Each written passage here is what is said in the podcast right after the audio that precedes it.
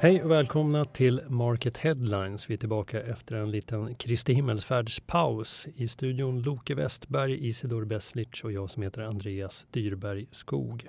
Veckans rubriker Boris Lennerhovs hastiga avsked, åtalade ICA-handlarnas hemliga samtal och snart klart vem som blir handelns mäktigaste 2023. Jag tänker vi börjar med veckans eh, klickraket. Eh, det är Loke Westberg som ligger bakom den. Det handlar om Boris Lönnerhovs avsked från GKs. Han eh, slutar alltså som styrelseordförande nu också efter 23 år inom koncernen. Hur lät han när du pratade med honom?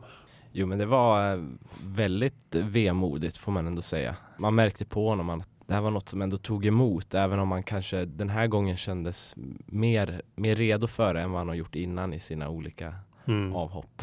Ja, han var ju först vd under många år och sen eh, kom han tillbaka som vd under en längre period. Det var väl tänkt som ett kortare inhopp men sen tog det väldigt lång tid innan de hittade en ny vd i Patrik Levin då och därefter så gick han över till att vara styrelseordförande. Men eh, känns det ändå eh, som det är hans eget val här eller finns det någon, eh, någon konflikt bakom beslutet? Nej, ingen konflikt vad det verkar utan han, han var tydlig med att han har fullt förtroende för Patrik Levin och tycker att han ska få köra på sina egna idéer och förverkliga dem. Så att ja, han tog det ändå med ro och påtalade också att han kommer fortsätta följa GKs då på, på lite längre avstånd. Mm. Även om man märkt att han kommer ha svårt att hålla sig från att kontakta både ägare och, och Patrik Levin här framöver också. Ja, får se hur det går. Men eh, ja, det är väl svårt att tro att det finns någon schism eller oenighet om vägen framåt här. När man tittar på det Arman lämnar efter sig, som han sa, hur var han uttryckte sig till dig, att han, han kom till ett, ett varuhus med en parkeringsplats och nu har ju det utvecklats till eh, det är en destination som erbjuder så mycket mer än bara shopping. Liksom. Det är som ett eget litet mm. samhälle där mm. i Ullared. Och eh, just liksom den ständiga utvecklingen har väl varit lite av hans signum. Jag tror han sa det i en intervju till mig någon gång att eh, det måste hända något nytt varje år liksom, för att eh, motivera kunderna att komma tillbaka gång på gång. Liksom. Mm. Men eh, hur ser han på framtiden? Då? Anledningen då till att han slutar är ju som man säger att han vill ha mer tid med barn och barnbarn, eh, mm. vill kunna resa och att ja, han sa det upprepade gånger också att han man blir äldre oavsett om man vill eller inte och han orkade liksom inte jobba lika mycket utan vill, vill hinna varva ner och, och spendera tid med dem också. Mm. Han har ju ändå uppdrag kvar. Nämnde han någonting om dem? Det största är väl eh, i styrelsen för ATG? Ja precis, jag, jag frågade lite vad han hade för, för andra uppdrag och vad planen var där men han, eh, han sa ingenting om att det skulle bli fler avhopp eller så så tills vidare får vi nog räkna med att han jobbar på men då inte med GKs längre. Ja, han eh, brukar lyssna på, på podden också. Får se om han eh, hör av sig efter det här. Men han, han, har hört av sig tidigare. Det var i höstas skickade han ett eh, lyssnarmail när vi hade diskuterat eh, uppsägningar på Åhléns och Indiska efter eh, ägarbytena där och eh, han hade lite att invända mot våra slutsatser. Det gjorde vi förstås en artikel på. Det var väl eh, du som skrev den också Loke? Ja, det, det stämmer bra. Det brukar ju vara så när han uttalar sig. Det var ju även som han nämnde i min intervju här att han gav andra retailers på fingrarna en, en gång i tiden han skrev krönikor för Market och, och ja. när vi skriver om honom och, och, när han vill uttala sig i saker så folk intresserar ju sig, det är tydligt. Mm. Ja, det visar ju klickstatistiken också. Den uh, artikeln från i höstas uh, som du skrev efter hans mejl, uh, det blev den veckans mest lästa och nu är han som sagt mest läst den här veckan också med nyheten om att han slutar. Så han engagerar verkligen och eh, både tror och hoppas att vi får höra mer om honom i framtiden.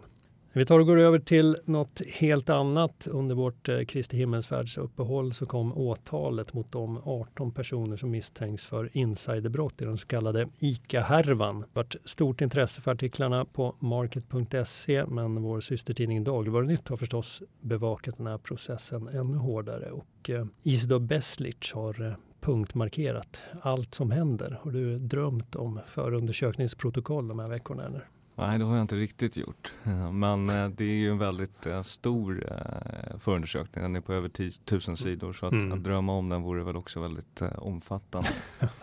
och där finns det ju eh, den bevisning då som åtalaren menar ska påvisa att eh, de här personerna har, har eh, handlat med insiderinformation i, i ICA-gruppen under hösten mm. 2021 innan dess att budet offentliggjordes. Mm. Vad består bevisningen av? Ja, det är mycket eh, liksom indiciebevisning kallas det ju för. Eh, mm. Man ska liksom påvisa eh, att det har funnits eh, möjligheter för, för informationen att läcka då från, från ICA-handlarnas förbunds styrelse. Det är ju en, mm. en ledamot där, tidigare ledamot som är, är misstänkt huvudman i, i målet och det är mm. från, från honom som, som informationen då ska ha färdats mellan en, en grupp av, av, eh, av handlare och eh, närstående och familjemedlemmar i södra och mellersta Sverige. Det saknas alltså, vad ska man kalla det, the smoking gun brukar man säga i engelsk terminologi. Liksom. Ja, jo, men det, så brukar det ju ofta se ut i insidermål. Det är ju sällan man liksom har en, en konkret eh, uppmaning eller, eller eh, skrivelse eh, från någon till någon mm. där det står eh, uttryckligen att det här och här kommer och, och du borde handla. Utan det bygger liksom på mönster av, av eh, sammanhang egentligen men också teknisk bevisning. Man har ju kunnat visa att många av de här eh, personerna har handlat eh, ganska stora volymer i ICA-gruppen eh, under den här perioden. Eh, mm. På ett sätt som avviker från hur de har handlat aktier tidigare. Jag vet inte om, om du kan svara på det men de här personerna, står, står alla de inför samma typ av misstankar eller är det någon som liksom står inför ett potentiellt längre straff än någon annan eller hur, hur ser det där ut? I majoriteten av fall rör ju brottsmisstankarna grova brott, alltså grova insiderbrott och där är ju enligt gällande lagstiftning eh, så uppgår strafflängden till max sex eh, år i fängelse. Eh, och så finns det också några som då är, är misstänkta för brott av normalgraden, alltså insiderbrott. Mm. Och där är ju påföljderna inte lika hårda. Sen har ju åklagaren också yrkat på näringsförbud för flera av de här personerna i upp till fem år. Mm. Och även att, att summorna då som man, man antar eller eh, tror eh, att de här har tjänat på, på insiderhandeln ska, ska återbetalas. Och även företagsböter ligger ju i, mm. yrkandet från åklagaren. Ja, kan få stora konsekvenser och eh, det, det, får ju även konsekvenser för ICA som helhet, även om eh, de gärna hävdar att eh, det här rör sig om enskilda personer. Och så bidrar det till att ytterligare sänka deras varumärke. De har det ju redan tufft i prisdebatten och så kommer det här som ytterligare lök på laxen. Telefonavlyssning är en stor del av bevisningen. Det lyfter ni fram på Dagligvarunytt i en stor artikel. Där. Vad, vad sägs i de här samtalen egentligen? En polis i, i, i eh, en kommun i Sverige ska av misstag ha, ha eh, upplyst en av de misstänkta att han, han var föremål för utredning. Mm. Eh, och då fick ju Ekobrottsmyndigheten till den här hemliga telefonavlyssningen. Och det som diskuteras där i, i väldigt mycket rör sig om liksom att man börjar ana att, att misstankar riktas mot den här personen och hur man ska hantera det och, och så vidare. Det är ganska rafflande läsning mm. faktiskt. Jag tyckte de här eh, Google-sökningarna var rätt, rätt underhållande får man ändå säga. De här polis, eh, avlyssning och, och, allt vad det var. Radera sms och sånt där. Ja, så är det. Och, och eh, åklagaren menar ju att, att genom den här telefonavlyssningen så kan man ju bevisa dels att, att eh, vissa av de här personerna har varit medvetna om att agerandet har varit brottsligt. Mm. Eh, men också att det styrker själva brottstesen då. Hur ser eh, processen ut eh, nu? När är det satt något rättegångsdatum? Rättegången är satt till i, i början av september. Eh, mm. efter sommaren här och ska pågå i, i några veckor.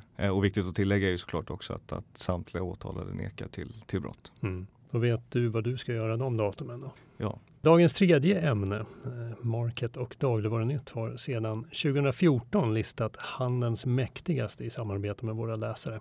Eh, vi är verkligen i slutskedet med att ta fram årets lista. Röstningen avslutas klockan åtta fredagen den 26 maj, alltså strax efter det här avsnittet släpps. Och eh, kan säga som så att det har varit högt röstdeltagande. Det har redan kommit in fler röster än vad det gjorde totalt förra året. Eh, jag sitter dock i juryn och tänker inte avslöja hur röstningen går eller hur vi resonerar i juryn. Men eh, ni andra två här i studion, ni kan ju få spekulera lite. Liksom, om, om vi tittar omkring oss i världen de trender vi ser i detaljhandeln och allt som händer i omvärlden. Eh, vilka faktorer tror ni kommer påverka listan i år? Jag satt och funderade lite över det där och jag måste väl säga att jag blir inte alls förvånad om fler personer inom dagligvaruhandeln dyker upp på listan eller tar sig högre upp på listan i och med mm. att det ändå har varit ett så pass stort ämne under, under det gångna året. Eh, hela matprisdebatten och, och de här prisstoppen och allt vad man gör för att gå vinnande ur det här priskriget då som har pågått. Så det är väl mitt bett på det här. Jag håller med i den bedömningen och jag tycker att liksom hela inflationen som sådan som en trend. Pandemin blev handelns mäktigaste 2020 mm. och här har vi också en väldigt eh, stark trend som ju påverkar hela handeln och kanske särskilt då dagligvaruhandeln just med, med lågpris och jag tror väl att eh, det är sannolikt att de eh, personer som på något sätt utmärkt sig här eh, på bolag eller på annat sätt eh, kanske hamnar högt upp på listan ur den aspekten. Mm. Om vi ska gå in på personer, vilka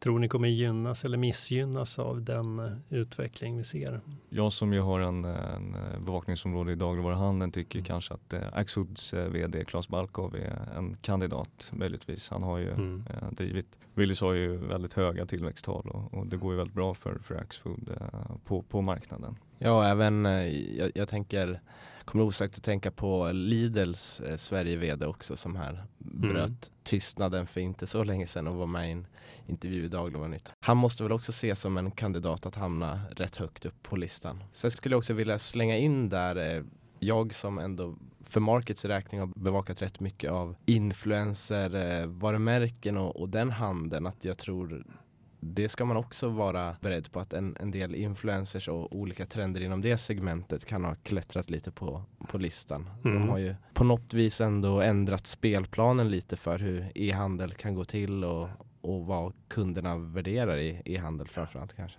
Claes Balkov, han kom ju tvåa förra året. Lidl-chefen Jakob Josefsson heter han va? Han eh, är ju ny på listan i år bland de nominerade. Får se hur det går för honom. Uh, influencervärlden. Mm. Mycket att tänka över här i slutskedet. Vem blir då handelsmäktigaste? I nästa vecka kommer svaret. Vi börjar publicera på måndag, så håll utkik på market.se. Ni har lyssnat på Market Headlines, en podd från tidningen Market. Ansvarig utgivare Fredrik Svedjetun. Nu önskar vi alla trevlig helg. Trevlig helg. Trevlig helg.